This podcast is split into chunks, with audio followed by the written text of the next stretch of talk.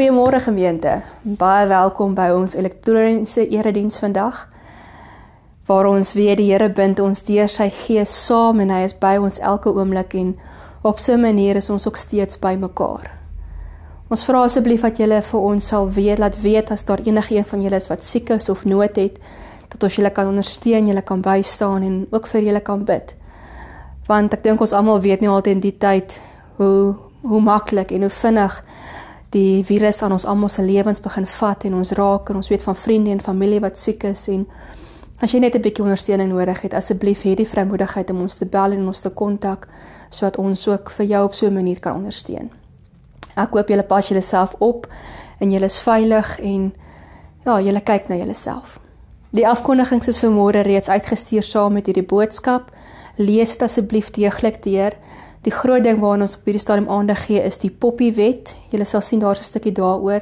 Wat dit beteken in praktyk is dat ons as gemeente julle nie kan bedien as ons nie julle goedkeuring het nie, as julle nie vir ons daardie vorm invul nie. Eintlik mag ons nie vir julle die preek aanstuur nie, ons mag julle naam op ons verjaarsdag sit nie, ons mag nie vir julle naam op die gebedslys sit as ons nie julle goedkeuring het nie. So asseblief doen nie moeite om die vorm in te vul deur die skakel wat onder aan die afkondigings is of om 'n vorm by die kantoor te haal of die vorm wat per e-pos gestuur is in te vul. Ons vra asseblief 'n samewerking hiermee. So kom ons raak stil en ons begin vandag in die naam van die Here. Die Here kom groet elkeen van julle. Genade, barmhartigheid en vrede van God ons almagtige Vader wat was en is en weer sal kom. En van Jesus Christus, die môre ster wat helder skyn in 'n donker wêreld en van die Heilige Gees wat kragtig in ons werk en om ons is en by ons is elke oomblik van elke dag. Amen. Ons skriflesing vir môre is uit Eksodus 20 vers 1 tot vers 3. Ons gaan die volgende paar weke saam reis uit die eerste gedeelte van die 10 gebooie omdat ek dink dit is 'n deel wat ons nodig het om in hierdie tyd waarin ons leef weer na te kyk en weer na te luister. So voor ons saam lees het Eksodus 20, kom ons bid saam. Here, dankie dat ons in U teenwoordigheid kan wees vandag. Dankie vir wie U is. Die Alfa en die Omega, die begin en die einde van alles in hierdie wêreld. Dankie dat ons na U toe kan kom met 'n vaste vertroue, Here, dat U nog altyd daar was vir ons. Dat U ons hand vat, dat U ons lewenspad saam met ons stap. Dat ons in alles na U toe kan kom en weet U hoor ons. Here, dis 'n voorreg wat ek dink ons nie altyd besef nie. Dis 'n voorreg wat ons nie altyd in volle aangryp nie. Here, so vandag kom ons in afhanklikheid na U toe. Ons kom Here omdat dit in ons harte die begeerte is om U woord te hoor en aangeraak te word en verander te word deur wie U is. En Heilige Gees, ons kom bid dat U in ons harte sal praat, dat U ons harte en ons gees en ons gedagtes en ons lewens sal kom aanraak om die mense te word wat U ons gemaak het om te wees. Ons vra dit in U naam, Jesus Christus, ons verlosser. Amen. Ons lees dan nou saam Eksodus 20 vers 1 tot vers 3. Toe het God al hierdie gebooie aangekondig. Ek is die Here jou God wat jou uit Egipte uit die plek van slawerny bevry het. Jy mag naas my geen ander gode hê nie. Ons lees tot daar. Dit is dan ook nou die eerste gebod van die 10 gebooie. Jy mag naas my geen ander gode hê nie. In die kerkjaar kerkjaar waarin ons nou is, is ons in koninkrykstyd. Nou koninkrykstyd is 'n tyd waarop ons gewoonlik fokus op hoe die kerk gegroei het, hoe ons as gelowiges die koninkryk van God kan word soos hy ons gemaak het om te wees.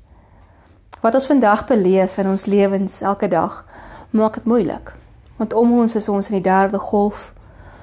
Ons beleef groeiende armoede, ons beleef ekonomiese en finansiële stremminge, emosionele uitputting, vrese, bekommernisse, onsekerheid oor wat die dag van môre inhou. Hoe lyk môre? Hoe lyk volgende week? Wat gebeur met die skoolkwartale? Wat gebeur met beplanning met werksbyeenkomste? Al hierdie dinge. En te midde van al hierdie onsekerheid raak dit vir ons dikwels moeilik om te onderskei, maar hoe is ons koninkryk van God nou? Hoe doen ons wat God wil hê ons moet doen? Wat is dit selfs wat God wil hê ons moet doen? Ek dink as ek om my luister en kyk, dan beleef ek iets wat ons eenvoudig oorweldig voel. Oorweldig deur alles wat om ons aangaan, sodat ons sukkel om te sien en te hoor wat dit is wat God wil hê ons moet doen. Dalk is dit selfs dat ons nie vir God wil vra wat dit is wat ons moet doen nie, want eenvoudig het ons nie energie nie. Ons kan nie daaraan dink dat ons nog 'n ding moet doen nie. Nog iets op ons lysies moet sit van lewens wat reeds oorvol en oorweldig voel nie. Om eerlik te wees, dink ek ons is die laaste paar maande, die laaste jaar, bietjie meer as 'n jaar, is baie van ons dalk net besig om te probeer oorleef. Om net deur elke dag te kom. En as dit is waar jy is, wil ek vir jou ook sê dit is oukei okay om ook partykeer daar te wees. Dit is ook oukei okay om partykeer net deur die dag te kom. Maar ek wil ook vir jou sê dat ek weet God wil ons nie daar los nie. Hy het ons nie gemaak om net te oorleef nie. Nee, gemeente, God het ons gemaak om te lewe. Te lewe met 'n doel, te lewe met impak om 'n verskil te maak in hierdie lewe. En God wil jou vat van daar waar jy is om net te oorleef en net deur jou daaglikse uitdagings te kom. En hy wil vir jou hoop gee. Hy wil jou laat opstaan en hy wil vir jou 'n lewe gee met volheid en betekenis.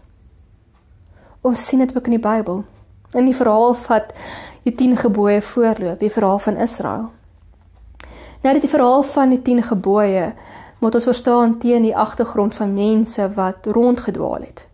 Mense wat uit verskriklike nood uit slawerny, onderdruktheid, armoede verlos is, bevry is om in 'n woestyn te gaan rondloop. Waar hulle dikwels ewe skielik doelloos gevoel het, want hulle identiteit van wie hulle was, slawe wat hulle dag en nag afgesloof en gewerk het, het verander.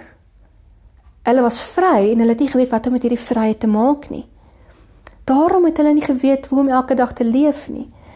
En baie keer het hulle gekla, baie keer was hulle oorweldig. Hulle het gewens hulle kan teruggaan na die bekende wat hulle gehad het. Maar in hierdie tyd het hulle ook onthou en beleef hoe God vir hulle sorg. Hoe hy hulle verlos het deur wonderwerke van die 10 plaae. Hoe hy hulle gelei het deur 'n vol 'n vuur en 'n wolkkolom deur die woestyn. Hoe hy hulle kos en water gegee het, selfs al het hulle gekla. Hulle het beleef hoe God elke dag saam met hulle pad stap te midde van hulle foute en hulle laagtepunte het God vir hulle baie hoogtepunte gegee. En nou net so deur die 40 jaar deur die woestyn voor hulle die beloofde land van Kanaan ingaan, kom gee God vir hulle hierdie 10 gebooie. Hy kom gee vir hulle 'n stel nuwe lewensreëls om hulle te help om hulle nuwe identiteit te vorm. Want julle sien, Hierdie mense wat so oorweldig was in die omstandighede waarin hulle was, kon nie die nuwe lewe vat wat God vir hulle gee sonder dat God vir hulle help daarmee nie. Want sou hulle Kanaan ingaan met 'n klomp nuwe gode, vreemde mense, vreemde kulture, ander maniere van leef en doen en dink, was die gevaar daar dat hulle net dieselfde sou word as hierdie mense, dat hulle sou konformeer dieselfde waardes sou aanneem as wat hierdie mense mee geleef het en dieselfde gode sou aanbid het waarmee hierdie mense geleef het. En hulle sou net nog iemand geword het. Hulle sou net in in 'n ander wêreld en weer vasgevang en slawe geword het. En God wil nie daar los nie. Nee. God wou vir hulle nuwe mense maak. Hy wou vir hulle mense maak wat uitgestaan het. Wat anders gelyk het mense wat sy volk was wat geleef het soos mense wat getuig van wie hy is. En vanuit hierdie verhouding met God wat God hulle geleer het deur 40 jaar hoe hy saam met hulle 'n pad stap het hy nou vir hulle hulle hierdie 10 nuwe lewensreëls gegee. En vir ons vandag ook. Waar ons ook dalk nou voel ons is vasgevang in hierdie wêreld waaroor ons geen beheer het nie wil God vir ons sê daar's 'n ander manier Sy riglyne is steeds so geldig soos dit was daardie tyd. En hy wil vir ons help om deur hierdie riglyne te sê, so kan jy te midde van, maak nie saak wat jou kommer is nie, wat jou bekommernis, wat jou vrese is, wat jou uitdagings is, 'n lewe leef waarin jy uitstaan, wanneer jy anders lyk as ander mense. In Sagaria 8:23 staan daar: So sê die Here die Almagtige, Daardie tyd sal uit al die nasies 10 man een Judeer aan die klere gryp en sê: "Ons wil met julle saamgaan, want ons het gehoor God is by julle." Wat ons in hierdie vers sien is dat om anders te lewe, om 'n ander lewenskwaliteit te lewe waarin mense kan sien God is by jou te midde van omstandighede. Dikwels mense is wat in die minderheid is, 1 uit 10.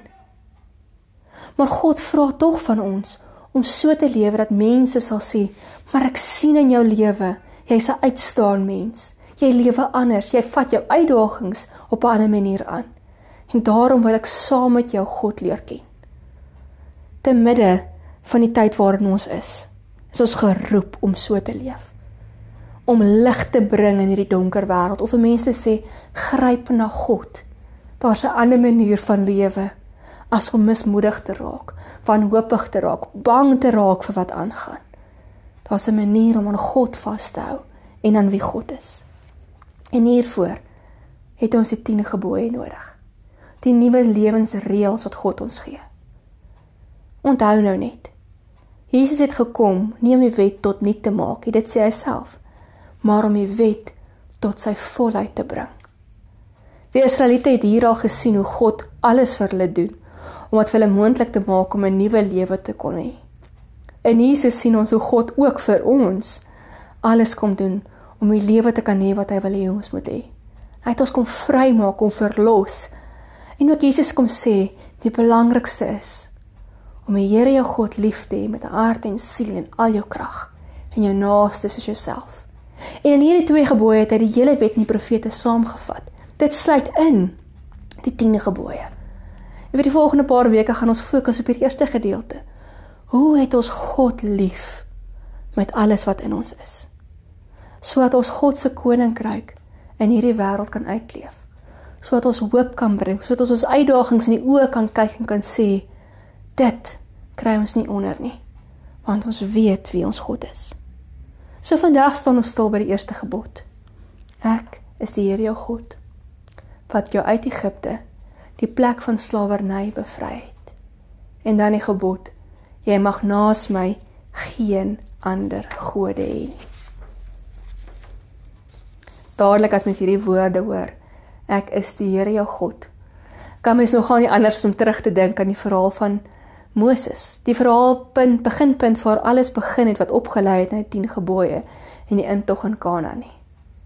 Moses het gevlug uit Egipte, as jy nou sal onthou, omdat hy iemand doodgemaak het, omdat hulle die Israeliete so sleg geslawe behandel het. En na jare wat hy rondgeswerf het, ontmoet God hom in 'n brandende bos en hy sê vir hom: "Ek stuur jou om hierdie volk se nood te gaan verlos, om hulle te gaan uitlei omdat ek gehoor het hoe swaar hulle kry. En terwyl Moses so met God praat, sê vra Moses vir hom: "Maar sê nou maar, ek kom daar by Israeliete." En hulle vra vir my: "Wat is sy naam? Wat moet ek dan vir hulle sê?" En die Here het hom geantwoord: "Sê vir hulle: Ek is wat ek is. Ek is het jy my na julle toe gestuur." Nou in hierdie woordjie ek is. Ons skryf God eintlik soveel van wie hy is. Hierdie ek is is 'n woord wat sonder tydgrense is. Tydloos is. Dit beteken God wat is, maar ook was en ook weer sal wees. En deur die Bybel gebruik God hierdie selfde beskrywing van wie hy is om keer op keer te bevestig dat hy oor tyd bestaan. As ons dink aan hoe Jesus homself veral in Johannes Evangelie beskryf met die ek is gesegdes. Ek is die weg, die waarheid, die lewe, die ware wingerdstok, die brood wat lewe gee. Die ingang vir die skape, die goeie herder. In Openbaring lees ons hoe God sê ek Jesus sê ek is die môre ster. Die een wat was en is en sal kom, die Alfa en die Omega. God is. En in hierdie paar woordjies wat God vir die mense sê, ek is die Here jou God wat jou bevry het. Kom die Here eintlik en hy kom herhaal en kom herinner hierdie mense wat voor hom staan, wat op die punt staan om 'n nuwe lewe te begin in moeilike omstandighede. En hy kom herinner hulle alles wat hy vir hulle kom wat hy vir hulle gedoen het. Hulle hele verhaal, die verhaal van hulle voorvaders, hulle voorgeslagte. Kom sê ek is die God wat julle nog altyd in julle nood bygestaan het. Wat nog altyd geantwoord het of julle gekerm het en gekla het en uitgeroep het in nood omdat julle slawe was, omdat julle honger was, omdat julle my nodig gehad het. Elke keer het ek julle geantwoord. Die God wat ek is is is die rede waarom hierdie Israeliete nou te midde van swaar kry 'n nuwe hoop het, 'n nuwe droom het, 'n toekoms het om 'n land in te stap en mense te wees wat uitstaan, wat anders lyk, wat kan sê ek is God se kind. Vir ons wat dalk vandag doelloos, sonder hoop, bietjie verdwaald, verward voel, is dit belangrike woorde om dit te hoor. Daarom help die eerste gebod ons om te onthou te midde van waar ons is wie God is. Dit help ons om te onthou dat ons nooit moet vergeet om bewuslik terug te kyk oor ons eie lewensstorie en op te roep, te herroep, te onthou wat God al als vir ons gedoen het nie. Want net soos die Israeliete was God nog altyd by ons gewees. Net soos die Israeliete sou ons nie vandag hier gewees het as God nie saam met ons was deur ons hoogte en laagtepunte nie. God is die rede waarom ons hier is. En hierdie eerste gebod help ons om te onthou dat ons nie in ons eie nood moet vaskyk nie, maar dat ons God om ons moet soek elke dag. Ek dink hierdie is vandag iets waaraan ons ernstig aandag moet gee. So baie keer dink ons ons kan ons eie potjie krap, soos die gesegde sê. Ons dink die woorde en ons hoor die woorde in populêre media en goed wat sê ek is verantwoordelik vir my eie geluk. Ek is verantwoordelik vir waar ek in die lewe uitkom. Ek moet net hard werk, ek moet uithou, ek moet vasbyt. Ek moet sorg dat ek my omring met die regte mense, my vriende en familie. Dis hulle wat my ondersteun om te bereik wat ek bereik. Ek kan dit alles self doen. In 'n wêreld wat so dink, kom sê God se eerste lewensreël vir ons: Stop.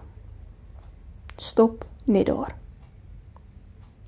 Natuurlik is al hierdie goed belangrik. Natuurlik moet ons hard werk. Natuurlik help ons mense om ons om ons lewens betekenis te gee. Maar ons moet stop. Want ons moet eers vir God die eer gee wat hom toekom. Hy kom eerste. Ons moet God erken vir wie hy is. Wat niks en niemand gemeente is meer belangrik as die Here nie.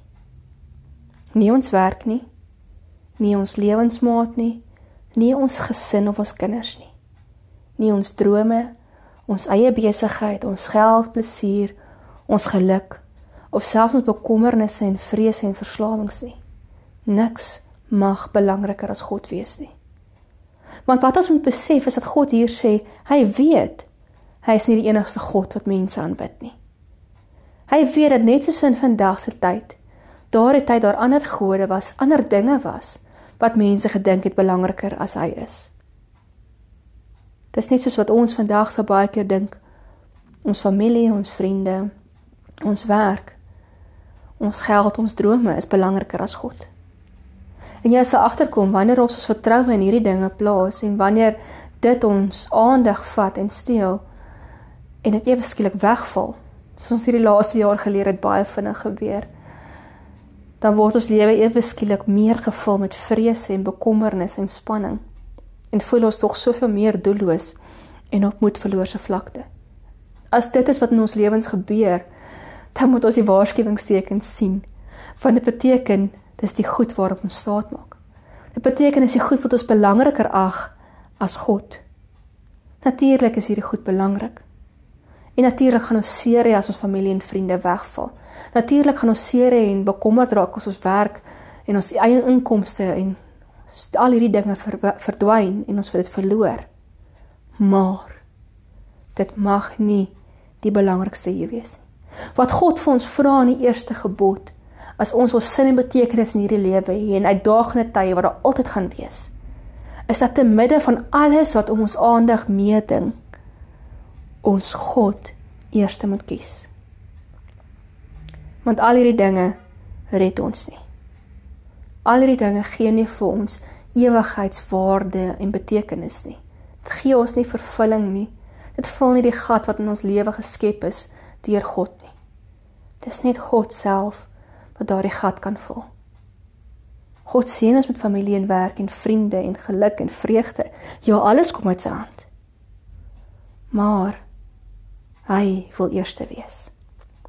En as ons 'n lewe wil leef wat getuig dat die Here ook ons enigste God is, vra God van ons 'n volkomme hartsverbintenis. God se liefde en verlossing gee hy vir ons oorvloedig. Hy kom doen net soos hy vir Israel alles gedoen het, kom doen hy vir ons alles. En hy vra van ons 'n reaksie. 'n Reaksie van toewyding, 'n reaksie van liefde en diens vanaf ons kant. Eenvoudig gestel. God wil alles vir ons wees. En hy vra van ons ons totale afhanklikheid. Ons verbintenis met God is eksklusief. Dit beteken daar is nie plek vir enige een anders nie. Die Here wil nie ook saam met 'n klomp ander goed gedien word nie. Hy wil alleen gedien word. Waar mag hy iets belangriker of gelyk gewaarde as God in ons lewens hê nie? Een van die goed wat ons in ons lewens die meeste jaag en ons lewens die meeste vol spanning en vol kommer maak, is hierdie behoefte om aan 'n klomp goed eweveel aandag te gee. Ons wil dieselfde tyd aan God en ons werk en ons gesinne gee. Ons vriende, ons stokperdjie, liefdadigheidsorganisasies, wat ook al vir jou belangrik is. En as ons nie reg kry nie, dan sit ons met 'n klomp skuld want ons voel net ons gee nie vir alles genoeg aandag nie. Ons aandag en ons tyd en ons gedagtes en ons energie is so verdeel tussen alles in ons lewe en ons raak vasgevang in die slawerny van skuld. Hoe bevrydend is dit dan nie om te hoor ons hoef nie ons lojaliteite te verdeel nie. Ons hoef nie aan alles eweveel aandag te gee nie. Ons hoef nie ons vervulling en ons geluk op ander plekke te soek nie. God sê vir ons sy eerste lewensreël is om dit te vind in hom. In hom wat vir ons die volheid van die lewe wil gee. En wanneer God die eerste plek en die belangrikste plek in ons lewens inneem. Gemeente hoor dit mooi mooi. Val alles anders in plek in perspektief. Dan is daar nie meer 'n stryd om tyd en energie en aandag nie. Want dit wat belangrik moet wees, sal God jou help om te onderskei. En dit is sy belofte hier. Hy het vir ons alles kom gee sodat ons hom eerste kan kies. En dan kan ons ons lewens vertrou in sy hand. Dan sal hy ons rus gee te midde van ons uitdagings en ons vrese en ons kommer. Sodat ons elke dag kan beleef. God is ook by ons. In ons bekommernisse in ons lewe elke dag. En hy is besig om ons te lei op hierdie lewe wat hy vir ons wil gee. 'n lewe wat maak dat ons anders is. 'n lewe wat maak dat ons uitstaan. Dalk is dit goed om hier te midde van derde golf van infeksies die nuwe toename die nuwe kommer wat als weer kop uitsteek. Die pandemie moegheid soos hulle praat. Dat ons almal in verleer moet oorwees tot stilstand te kom en te vra wat dra jou op hierdie oomblik? Wat hou jou staande? Wie hou jou staande? Is die Here werklik jou fondasie? Is hy die werklik die enigste en die eerste een waarop jy steun is hy jou middelpunt wat alles vorm wat jy verder in jou lewe doen. Is hy die vertrekpunt waar jy begin wanneer jy 'n ding moet aanpak? Is hy eerste in jou lewe? Onthou. God het hierdie lewensreëls, hierdie eerste lewensreël vir mense gegee wat soos ons voel. Mislukkings. Te mekaar. Ons kla, ons weet nie watter kant toe nie. Hulle was nie perfek nie, soos ons ook nie is nie. Maar God het hulle nie daar gelos nie. En hierdie hierdie vraag om te vra, is die Here my middelpunt, my eerste? Is nie 'n vraag wat ons een keer vra en dit is verby nie. Dis 'n vraag en 'n 'n lewensreël wat ons elke dag onsself aan moet toets.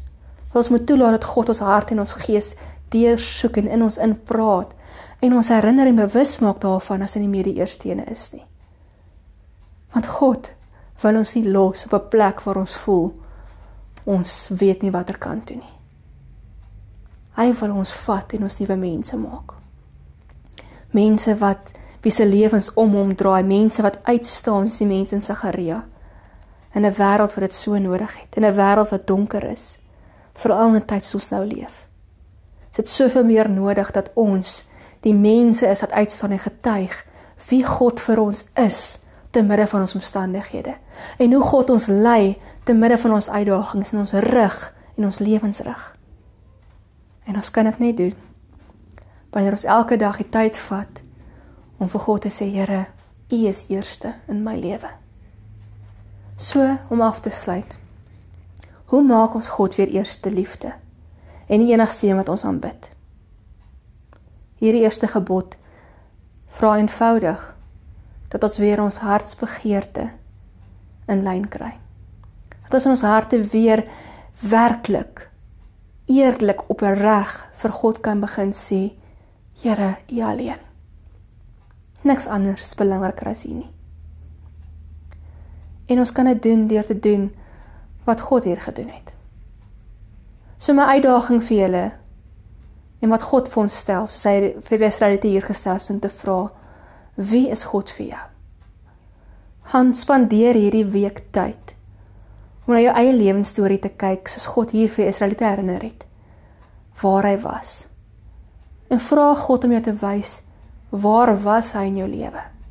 Gaan soek die oomblik wat jy beleef het hoe hy jou gedra het, hoe hy vir jou gesorg het, hoe hy vir jou gewys het dat hy in die oomblik by jou is. Skryf dit neer asseblief sodat jy dit kan onthou. En wanneer jy bewus raak hoe God by jou is en by jou was, nou hy beloof het en hy ook by jou sal wees en hy het sy belofte nagekom het, sê vir hom daarvoor dankie. Erken hom Herken hom vir wie hy is en vir wat hy vir jou gedoen het. En wanneer jy hom so ontdek in jou lewe, dan sal jy by 'n punt kom wat jy weer vir hom wil sê, "Ja, Here. Ek wil U alleen Here en Meester van my lewe maak. Ek wil U alleen dien. U moet nommer 1 wees." Sê dit dan vir die Here. En doen dit elke dag. Gee jouself volkome vir God en vertrou hom te midde van alles wat om ons aangaan, ook met jou lewe. En dan van volgende week af vir die twee sonna daarna gaan ons na die volgende 3 gebooie kyk. Wat ons help om te weet hoe kan ons God aanbid en waarlik dien soos hy wil hê ons moet. Want wat 'n voorreg sal dit nie wees om te elke dag te kan sê Here, U is my God en ek kan bid U met alles wat ek is nie. Kom ons bid saam. Here, dankie. Dat ons vandag net kan laat los.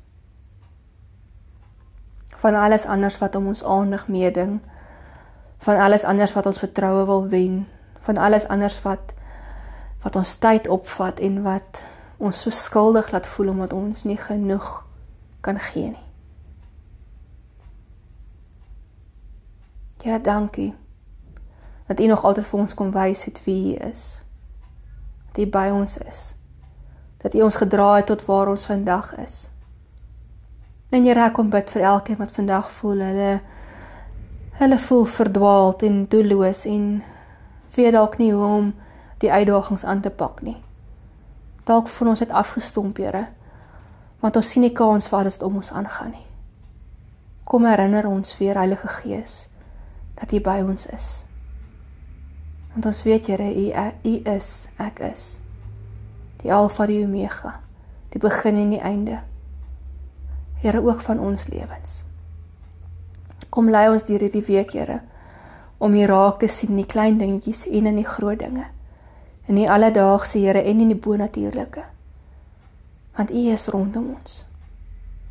Kom help ons Here om U op U U op die ware plek te sit op ons lewenstroon, die troon van ons harte en die eerste te maak.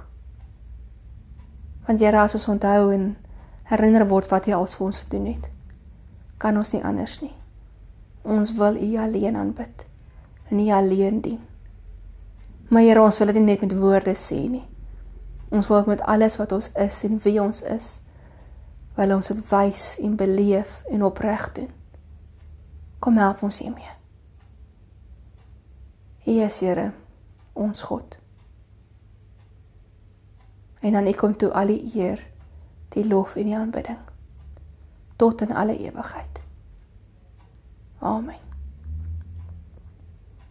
Mag die genade van ons Here Jesus Christus en die liefde van God ons almagtige Vader en die teenwoordigheid van die Heilige Gees die drie enige God ek is met elkeen van julle wees en bly elke dag en mag julle elke dag kies om hom eerste te stel. Amen. Sterkte vir julle week gemeente en mag die Here by elkeen van julle wees. Vrede vir julle.